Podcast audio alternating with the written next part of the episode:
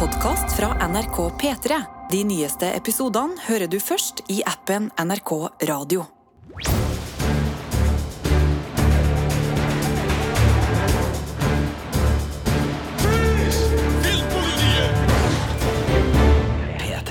Velkommen til en ny podkast her i Filmpolitiet. I studio i dag, Sigurd Vik. Og Marte Hedenstad. Yes, hallo, hallo. Birger Vestmo han driver og fjonger seg nede i Cannes på filmfestival.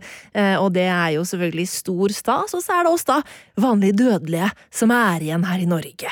Og vi har fått se eh, kule ting. Det skal handle om tre ting i denne podkasten, men egentlig to ting. eh, Fordi jeg har vært på kino og sett Everything Everything, Everywhere, All at Once. Det ble litt mye for meg, det der. Eh, og det er en av årets beste og villeste kinofilmer. Og så har du eh, noe som vil glede Normal People-fansen, eh, muligens, Marte? Ja, fordi det er nemlig sånn at manusforfatteren av Normal People er ute med to ting nå, nemlig Conversations with Friends, som er en serie som går på HBO Max, og så er det en ny film som heter Mothering Sunday, som har kinepremiere denne uka.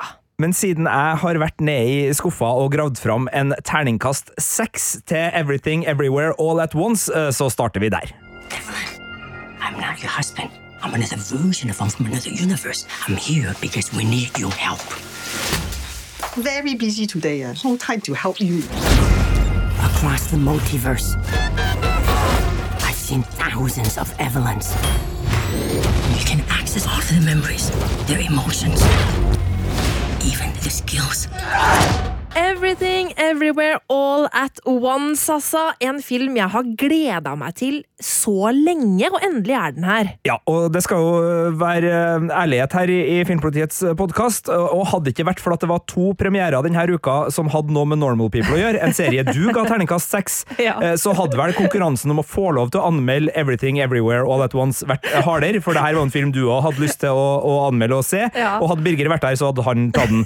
Eh, For det er jo en film, sjøl om vi ikke Og jeg har i hvert fall virkelig prøvd å liksom ikke lese noen anmeldelser om den, men den har jo vært ute i USA i noen måneder, og vi har jo skjønt at det her er noe ganske spesielt. Og det er jo en film som definitivt lever opp til tittelen sin. Her er det alt mulig eh, overalt, eh, sånn cirka samtidig. Det er en eh, ja, en um, Hva skal vi si? Altså, det er en kampsportkomedie, et familiedrama, en science fiction-film. Um, altså, det er multiverses her, altså parallelle univers. Det er øh, Ja, altså, jeg, jeg kan ramse opp, men, men jeg vil ikke komme overalt. Og, og det er altså uh, så mye som på en måte egentlig ikke skal passe sammen i en film. Så hvis du liksom hadde uh, pitcha det her, så hadde det vært litt sånn her Nei, det høres ut som det blir altfor dyrt og altfor mye, og vi hører ikke helt retningen i det. Men uh, The Daniels, som de kaller seg, altså regissørene Daniel Kwan og Daniel Scheinert, uh, sier sikkert ikke det etternavnet riktig, som tidligere har laga Swiss Army Man uh, sammen, de har klart å De har både skrevet og regissert den filmen, de har klart å, å lande på eksemplarisk vis. Det er en kaotisk film som jeg syns treffer vår kaotiske tidsånd i 2022 eh, skikkelig, skikkelig godt, samtidig som det er en film som både er rørende og morsom, og som forteller en historie som til tross for alle disse eh, elementene eh, klarer å, å stå tydelig, fordi den etableres så sabla godt. Ja, fordi det er jo en heftig sjangermiks som jeg skjønner både på deg og på traileren, som jeg jo har sett, eh, men som bindes sammen av en eh, veldig god, er mitt inntrykk, dramafortelling i bånn. Eh, og den har jo da Michelle Yao eh, i hovedrollen, og hun er jo en fantastisk skuespiller. Ja, eh, kanskje mest kjent som kampsportskuespiller i Snikkende tiger, skjult drage', som kom for ja, det er vel 20 år siden eh, det nå, eh, og har jo også eh, levert veldig godt i, i flere både dramaroller og actionroller i etterkant, og hun er den store stjerna her. Altså, hun leverer et kunststykke av en hovedrolle som både er vittig, morsom, sjarmerende, men også ektefølt, oppriktig, og tar oss med inn i dramahistoria her på, på en måte som gjør at man virkelig kjenner vekta av den. Og når det da blir så fjasete, og du verden det blir fjasete i actionsekvensene, både med liksom eh, litt sånn kalle det eh, Jeg er jo ikke faglært her, men tradisjonell kung fu-slåssing og mer sånn helt absurd eh, voldsutgytelse, så, så, så er hun Altså, det er så velkoreografert, det er så uh, presist, samtidig som det er så fargerikt og vulgært og tullete og tøysete. Og ja da, det er masse underbuksehumor her. Selvfølgelig er det det. Men uh, vi kan ta, uten å avsløre form av handlinga, et lite destreif. Og filmens start er viktig, for den starter med en kalle stressymfoni av uh, Evelyn Kwan Wong, som da er, spilles av uh, Michelle Yo, sine hverdagsbekymringer. Altså, hun har et vaskeri som hun og familien driver. Det vaskeriet er i økonomisk trøbbel. Hun har en ganske sånn dømmende far som har kommet for å bo hos dem. Han er egentlig da fra Kina, som hun også er, men har da kommet til dem i USA for å bo på gammeldagene. Hun har ei datter som heter Joy, uh, som uh, ikke føler seg sett av sin mor. Og så er den milde ektemannen hennes, som heter Wayman, altså, han er til stede, men han har også noe viktig han må fortelle. Uh, så, så det, det, er liksom konflikt og litt sånn um, gjenkjennelige friksjon i, i, alle ledd her. Og så sitter hun da på et møte hos skatteetaten hvor saksbehandleren Deidre, spilt av Jamie Lee Curtis, ja, gir henne rett og slett huden full for å ikke ha utfylt ligninga ordentlig. Da dukker det opp en person fra et annet univers og forteller henne at alle multiversene er i fare, og Evelyn er den eneste som kan bekjempe trusselen. Og derfra ut så blir filmen rar. Men den har brukt uh, 10-15-20 minutter, jeg, jeg, så ikke på klokka da jeg så men den har brukt starten så godt og gitt oss så mye, og så mye dybde, og så mange sterke relasjoner, og så mye frustrasjon, og så gjenkjennelige Uh, samtidig som de er spesifikke, de her uh, utfordringene som, som hovedpersonene våre har, at fjaset bæres av det. Så, så, den tøyer strikken i alle retninger, men den holdes sammen da av her, det her familiedramaet som ligger i bunnen, og som, som, fungerer så godt. Mm, fordi altså, Vi har jo sett nå en hel haug med filmer med multiverse og uh, sånn type ting. Altså, vi har vært gjennom en heftig MCU-runde, uh, og vi kjenner jo godt til det konseptet. Uh, og så kjenner vi godt til hvordan det kan være underholdende, skape action og alt, alt mulig sånt. Men jeg opplever at det er noe kanskje mer som ønskes med denne filmen enn pur underholdning, selv om det selvfølgelig også virker å være det? Ja, det er definitivt det. Det er en personlig kunstfilm som ligger under den her øh, øh, Ja, øh, mer litt sånn Hva skal man si? Altså, man, du, du, sa jo det, altså man har en del sånne publikumsdrevne blockbustere med multivers, superskurker og, og spektakulære slagsmål. Den her har også det, men den har en annen grunn til å trekke inn de tingene enn å bare underhold. Det gjør nok at den kanskje vil oppleves litt smal, for den, den um, tar ikke hensyn til publikum. Uh, den vil fortelle sin historie, og det gjør den uh, ikke sånn koste hva det koste vil, men, men, den gjør den uten å liksom uh, file bort noen skarpe kanter, eller gjøre den mer allmenn.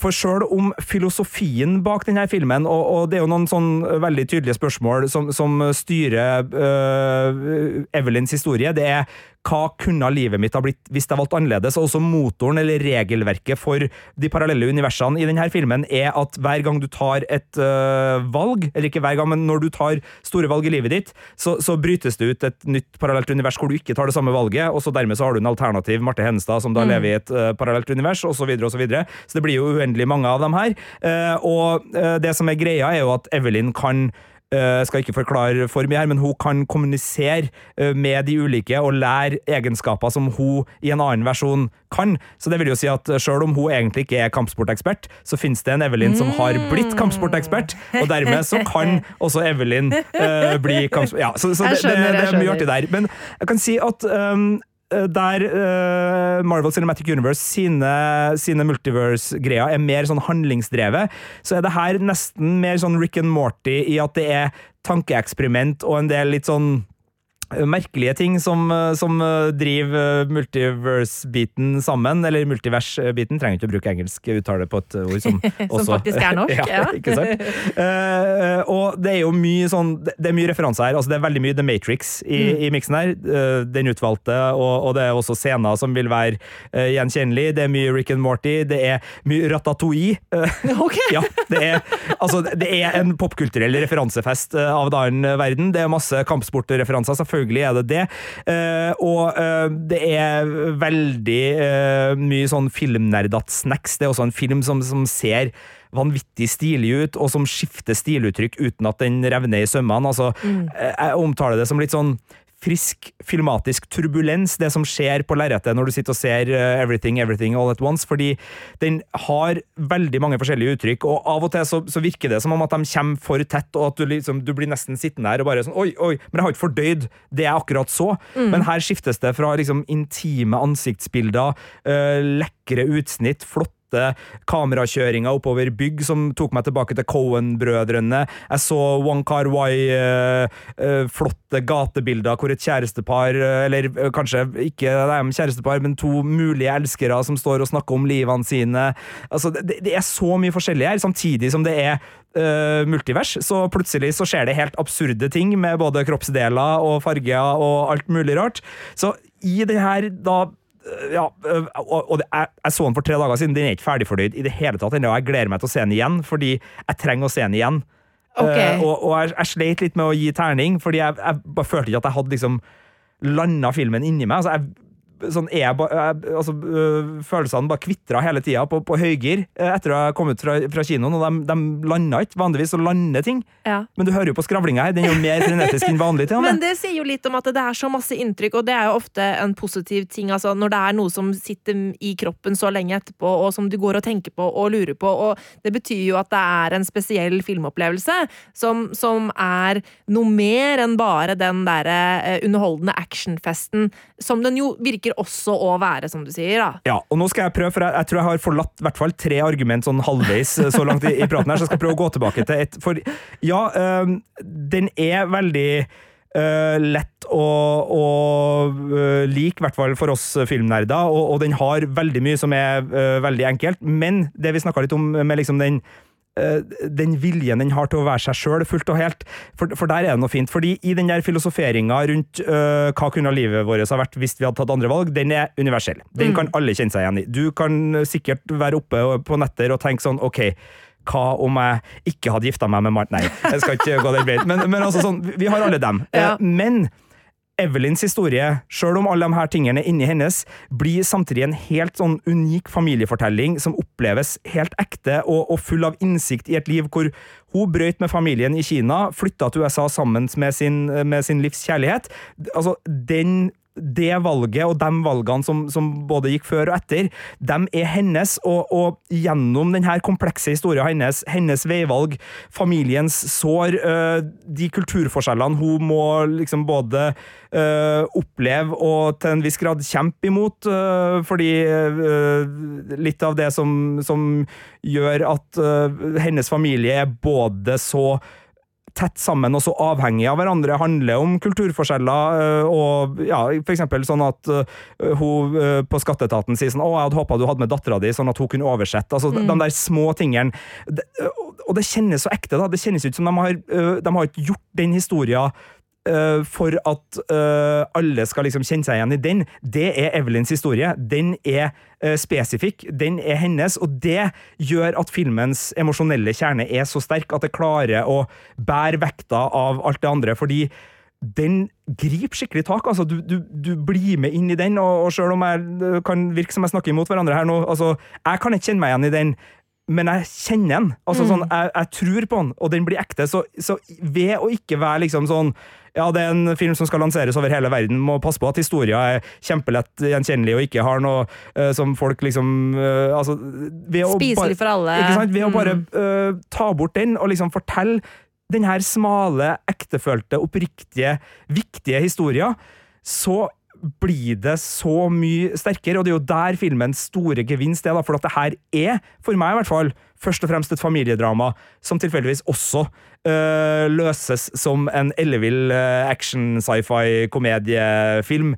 Men det som også er så fint, er at den elleville multivers-sci-fi-greia er også hele tida forankra i det emosjonelle dramaet som utspiller seg. Alt henger sammen. Eh, og Derfor så blir den så mye mer slagkraftig enn å bare sitte og se gjennom en eh, hvilken som helst annen, eh, enten det er superhelt eller sci-fi-film om parallelle univers, hvor det er laga for underholdningens del, og det er liksom det å Det skal bare flyte videre, det skal bare bli artig, det er liksom motoren. Her er det en annen årsak bak, men allikevel så er det artig, og likevel så er det spektakulært, og allikevel så er det fengende. Og det altså det forhøyer hverandre, da, sånn at du virkelig liksom sitter her og, og blir skikkelig skikkelig begeistra og glad i kinosalen. Både som filmnerd fordi det skjer så mye kult foran deg, så at du bare liksom tenker 'oi, det der er fett', men også fordi at man støtt og stadig vender tilbake og får de her øyeblikkene hvor du plutselig er en tåre i øyekroken. Det var mer enn én tåre i øyekroken. Det var mange tårer i øyekroken. uh, og, og at man kjenner det. Og igjen, nå skravles det på høygir her, er men, men eh, det er virkelig en film som skaper utrolig mange inntrykk. Åh, jeg skal se den på lørdag, og jeg gleder meg til å eh, kjenne den på kroppen sjæl, og til å prate masse om den etterpå, for jeg, jeg aner meg at her er det mye å diskutere. Det er veldig mye å diskutere, og én ting jeg er litt spent på. uh, fordi uh, terningkast seks kan jo liksom av og til bety sånn et mesterverk, uh, feilfritt og alt det, og, men det her er ikke en sånn. Det her er en en, et deilig rot av en film, og det er ikke alle handlingstrådene, alle plottpoengene, alle ting som, som landes like fullendt, men det trenger ikke å gjøre det.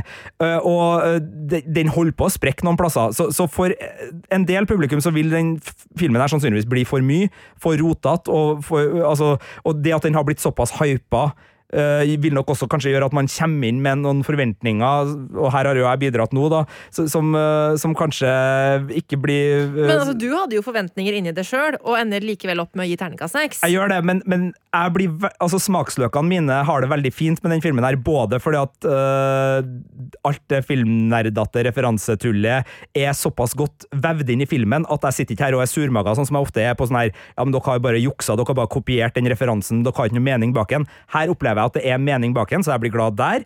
Eh, Jeg elsker alt det filmatiske og, og syns det er en fest å være med på.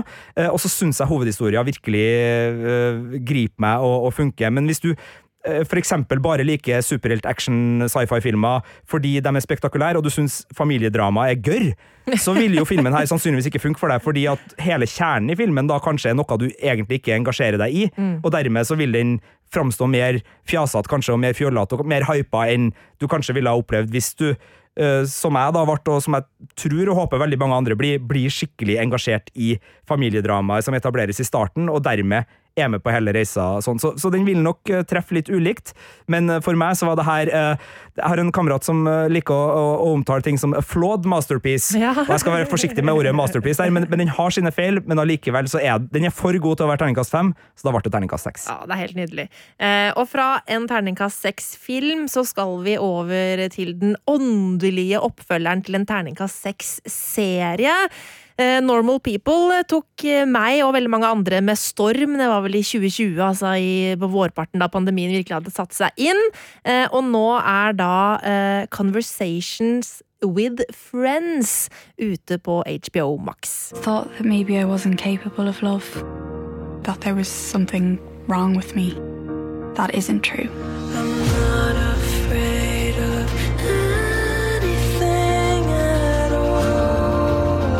They're married, but I thought he was funny.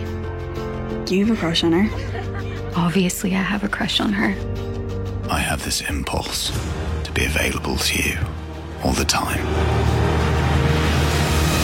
Conversations Og det er veldig vanskelig å si. Conversations with Friends er altså da eh, opprinnelig debutromanen til Sally Rooney, som skrev eh, Normal People.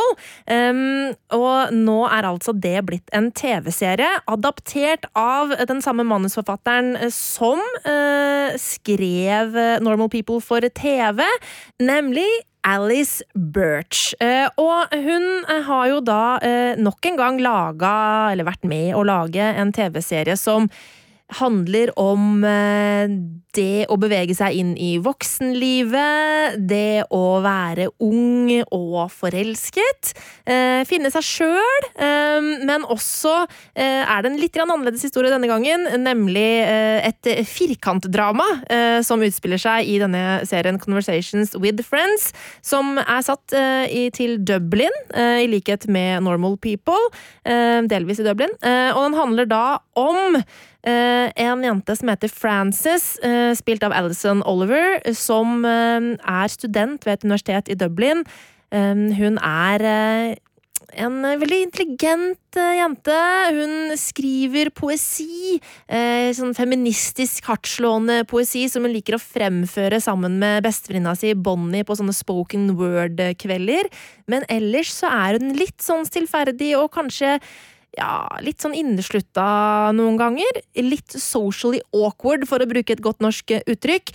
Um, og etter en sånn um, ja, spoken word-kveld, hvor hun og venninna har uh, fremført et uh, hardtslående dikt uh, til stor applaus, så møter de to venninnene en kjent forfatter som heter Melissa, som på en måte fange litt interesse for dem, da. Og så blir de kjent med henne, eh, blir etter hvert med henne på besøk hjem, og der møter de også hennes ektemann Nick, og derfra og ut så utspiller seg da et trekantdrama, nei, firkantdrama, fordi Bobby hun er betatt av Melissa, som er en veldig sånn utgående, fargesprakende personlighet, mens Frances fatter interesse for ektemannen Nick, som i likhet med henne er en mer sånn rolig, ikke så pratsom, sindig person, og de to innleder en hemmelig affære.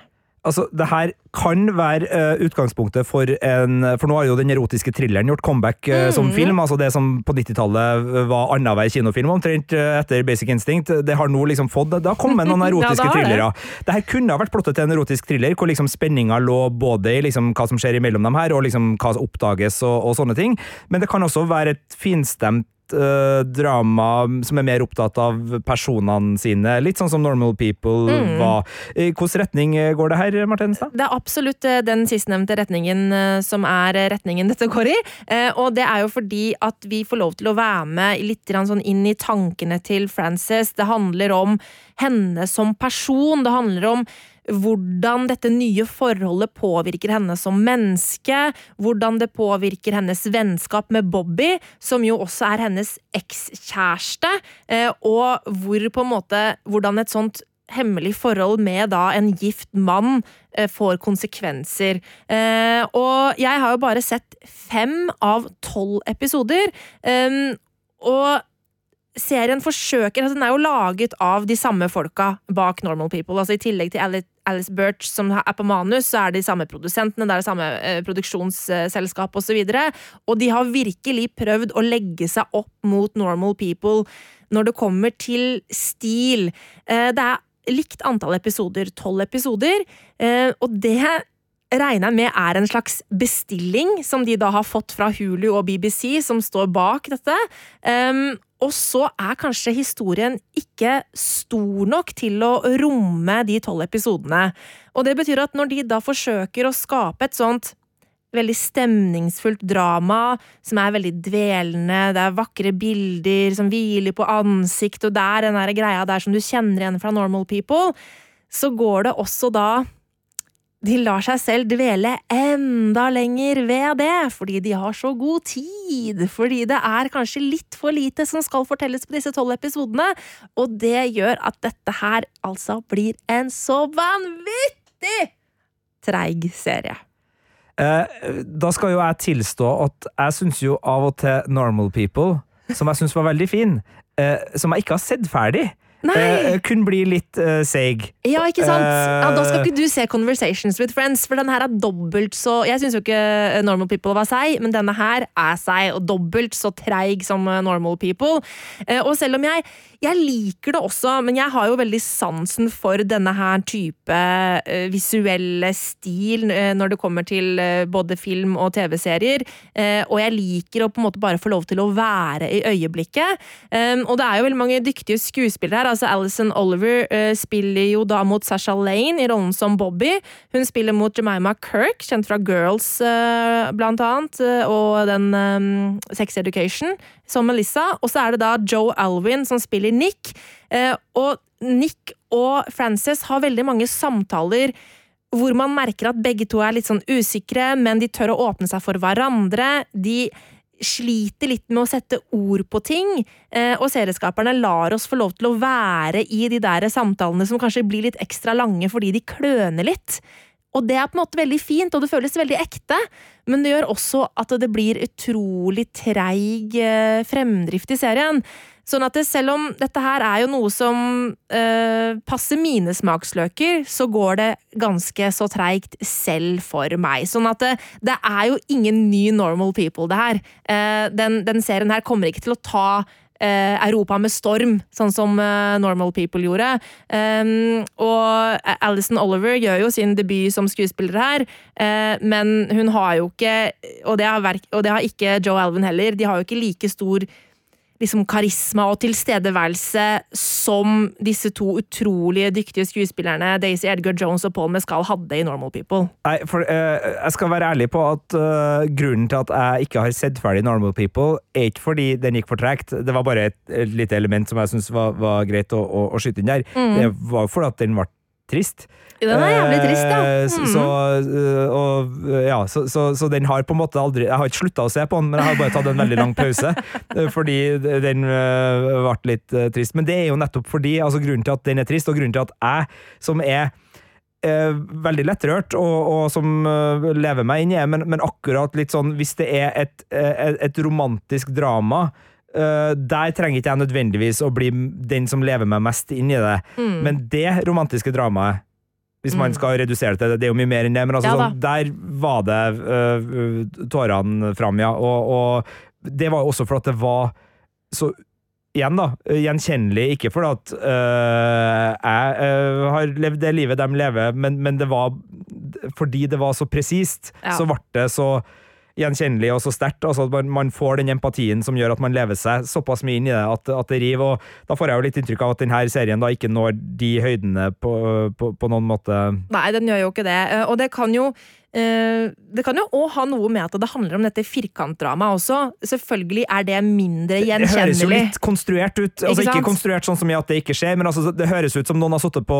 altså, Nå er jo det her bokbasert, men altså, sånn, det var derfor jeg dro inn det Mm. der med litt sånn erotisk thriller. For det, det høres ut som noen kunne ha kokt det opp på et pitchemøte til en eh, Hollywood-produsent på 90-tallet. det For det er liksom sånn det, det er nesten for saftig. Ikke sant? Uh, og, og for tilfeldig. Men, men, men selvfølgelig, eh, livet er full av saftige til, tilfeldigheter. Og, og det der har eh, Altså, selvfølgelig, det, det er jo ikke noe problem å kjøpe det premisset. Nei da, men så er det jo som sagt debuten til Sally Rooney, eh, og Normal People kommer da selvfølgelig etter, og da kan det jo hende at eh, som forfatter at hun har utviklet seg, muligens. Nå har ikke jeg lest verken eh, Conversations with Friends eller Normal People-romanene, da, eh, men jeg ser for meg at det kan jo hende det har noe med det også, hvilket utgangspunkt da manusforfatterne har hatt å jobbe med i adopsjonen. Eh, men så det blir en terningkast fire fra meg eh, til Conversations eh, with eh, Friends. Um, men så er det sånn da at eh, Alice Birch, som jo da eh, har skrevet manuset på Conversations with Friends, og som skrev manus eh, for eh, Normal People, hun er også ute med en ny film denne uka, som hun har manus på. Den går på kino og heter Mothering Sunday. Jane, you have no family. You have absolutely nothing to lose. That is a gift. And you must learn to use it. When did you become a writer, Miss Jane Fairchild? Three times over. The day I was born. The day Mr. Paxton gave me my typewriter. And the third? It's a secret. Og Mothering Sunday, det er en utrolig vakker eh, filmopplevelse, for å si det sånn. Og, og for å rydde i det, Du sa det jo før lydklippet her, men altså øh, forfatteren av bøkene som Normal People og Conversation with Friends øh, er basert på, Ja. er ikke med her, men Nei. manusforfatteren som har gjort om de to bøkene til de to TV-seriene, Det er øh, det er manusforfatteren øh, til denne filmen Mothering Sunday. Helt riktig. Alice Birch heter som sagt hun, og hun har da laget denne filmen sammen med den franske regissøren Eva Husson. Um, og de to har da klart å komme opp med et eh, gripende vakkert romantisk drama, som også er basert eh, på en roman eh, med samme navn. Eh, og den er satt til mellomkrigstida eh, i Storbritannia, i en tid hvor eh, folket der eh, prøver å takle eh, et enormt tap. Eh, gutter og menn har dødd i hundretusenvis eh, av tall, og eh, det sitter igjen familier som rett og slett har mistet alle sine sønner, som har mistet alle sine barn.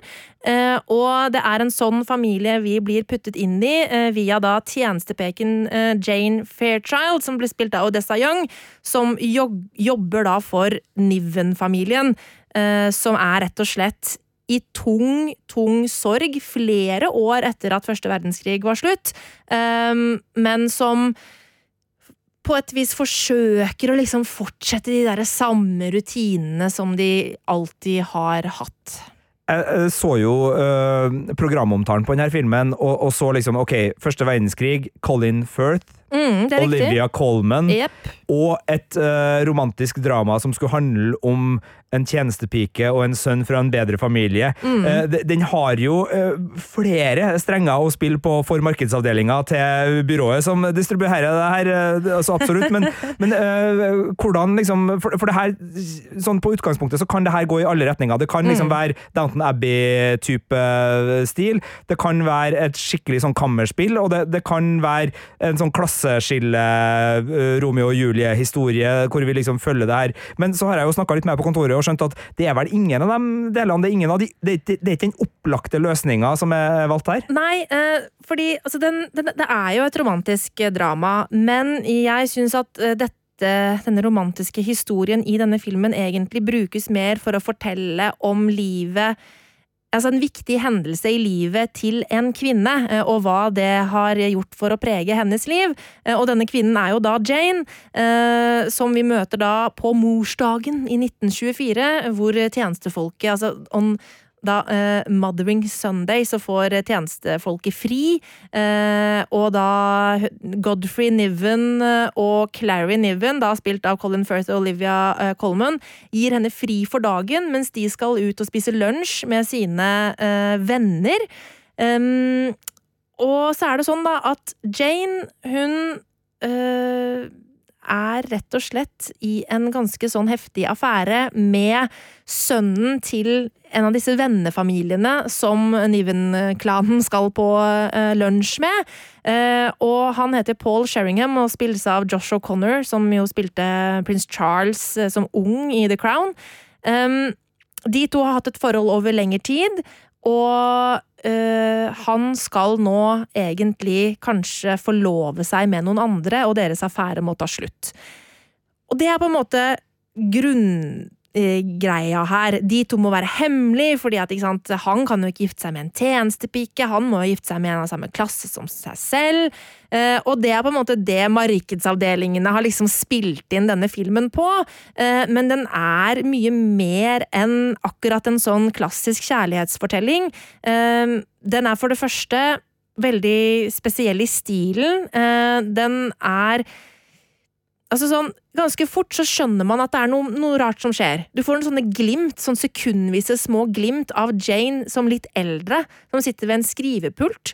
Eh, så får du se mer og mer av det, og man skjønner rimelig kjapt at det vi opplever som nåtid eh, på denne Mothering Sunday 1924, det er Janes minner som hun går gjennom mens hun skriver en bok. Um, og det er et formgrep som det, det, lekes ganske mye med det. Vi hopper en del i tid. Liksom, det spørs litt sånn hva er det Jane kommer på i øyeblikket, og så er det det vi får se. Eh, kanskje hun fantaserer om noe, så er det det vi får se. Uh, sånn at det, det er litt sånn hopper litt sånn frem og tilbake, og det kunne ha blitt litt rotete, men det er veldig godt klippa, og det henger veldig godt sammen. Så det blir veldig sånn naturlig og dynamisk, det derre tankespinnet som jo da egentlig ser uh, utfolde seg. Blir hun da en eh, såkalt upålitelig eh, fortellerstemme ved at eh, du sier fantasier og sånn her? Ja, altså hun er jo en, en, hun er jo en upålitelig forteller, men vi blir alltid ja, det vet jo ikke jeg, men sånn tilsynelatende blir vi fortalt etterpå, eh, når det vi har fått se ikke var reelt. Sånn at eh, man sitter ikke igjen i etterkant og lurer på hvordan var det egentlig. Jeg opplever at måte vi får et innblikk i det som var hennes livshistorie, eh, når, når filmen er ferdig.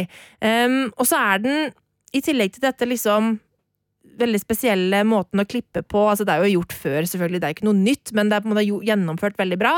Så er den altså så vakker eh, rent visuelt. Den er helt utrolig vakker å se på. Du brukte jo ordet eh, sanselig eh, Ja. da vi snakka om, men det er jo ikke et ord du bruker hver dag. Eh, men, men du snakka om, om eh, nærbilder Mm. og sollys som kommer inn på kropper, og som viser fram detaljer som du ikke vil få hvis kameraet står litt lenger bort. Altså, Mm. Hvilke typer nærbilder og, og, og sanselige bilder er det vi får? Ja, altså Det er da fotograf Jamie Ramsey som har skutt det her, og han legger seg utrolig tett på.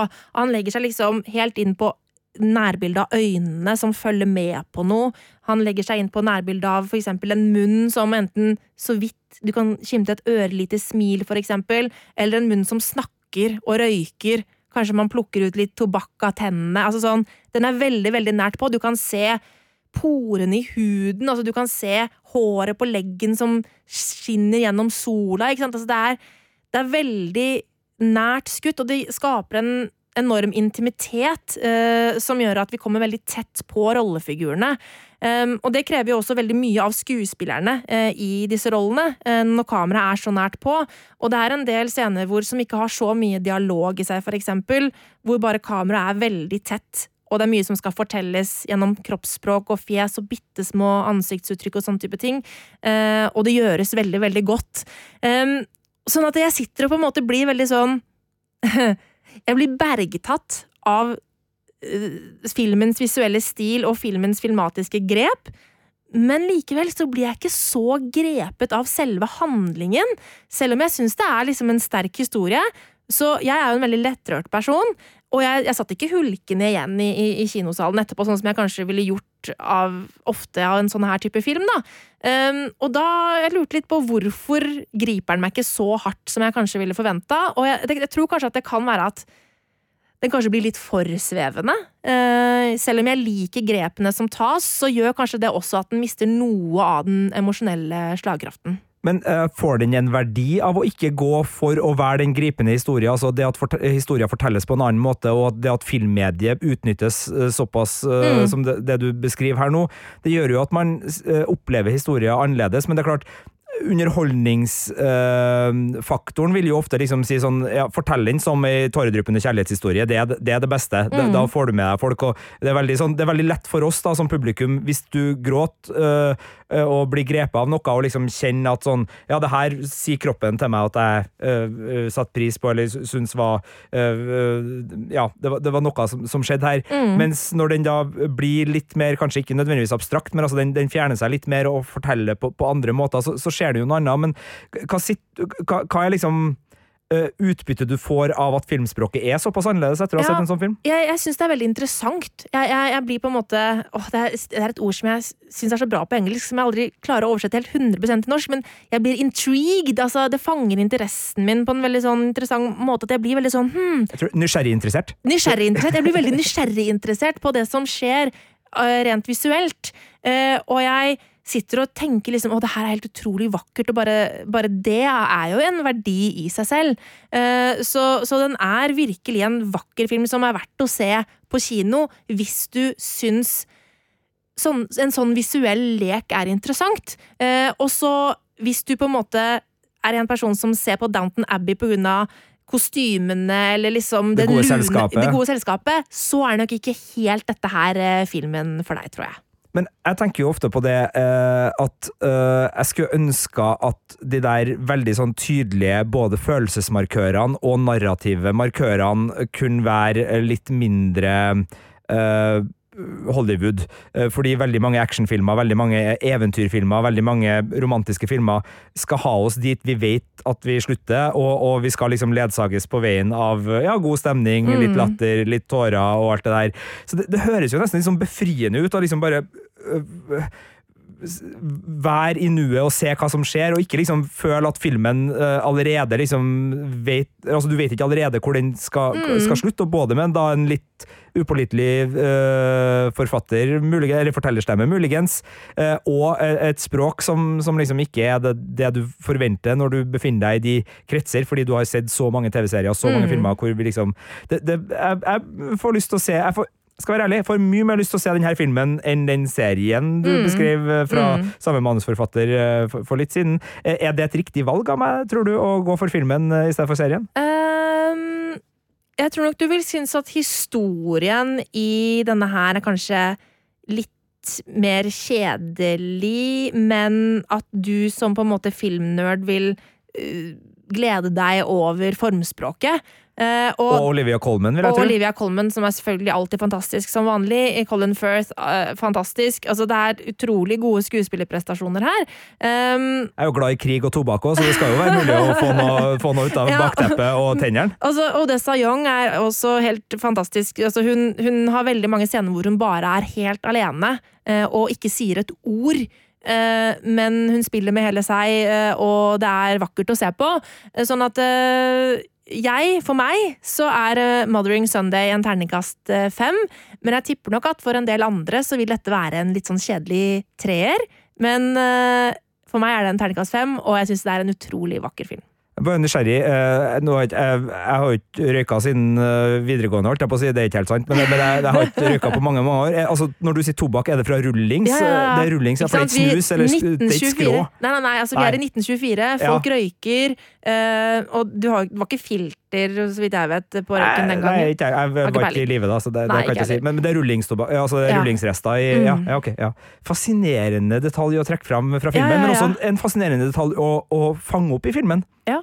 Ja. Og til og med sånn derre at du ser en person som har røyka, og så ser du Og så snakker han etterpå, og så ser du at det ligger igjen tobakk i tennene. Og det på en måte Ja, men i veldig mange andre filmer så ville man fjernet det, men her er det fordi det skal være liksom Ja, du, du skal på en måte bli dratt inn i den er jo ikke realistisk sånn, sånn, sånn uh, kitchen sink reader. Altså, den går jo ikke for å liksom skildre liksom, hverdagsrealisme heller. Nei, men den går inn for å være intim og nær og tett på, Ja. uh, og det får den virkelig til. Jeg, jeg, jeg skal se den filmen. Den, det er en fascinerende beskrivelse du har gitt her av en film som, som jeg, jeg trodde at jeg uh, kjente lusa på gangen da jeg leste den uh, Mm. omtalen Det på, på filmen. Jeg, jeg trodde Mm. at jeg visste hvilken film det var.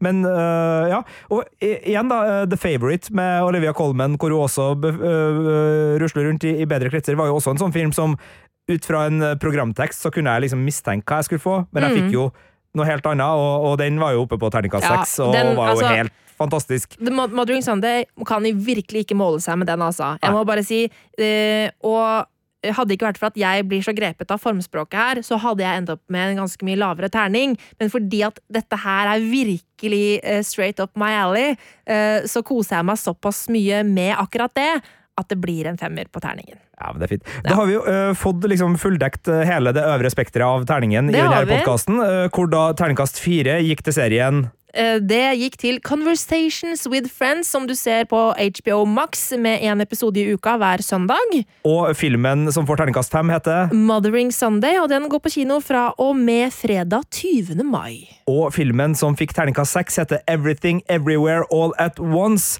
og kommer på norske kinoer fra og med fredag 20. mai, og er da altså den varmeste anbefalinga. Jeg har nesten lyst til å være med deg og se den, Marte, for jeg har behov for å se Everything Everywhere All At Once en gang til. Du har hørt en podkast fra NRK P3. Hør alle episodene i appen NRK Radio.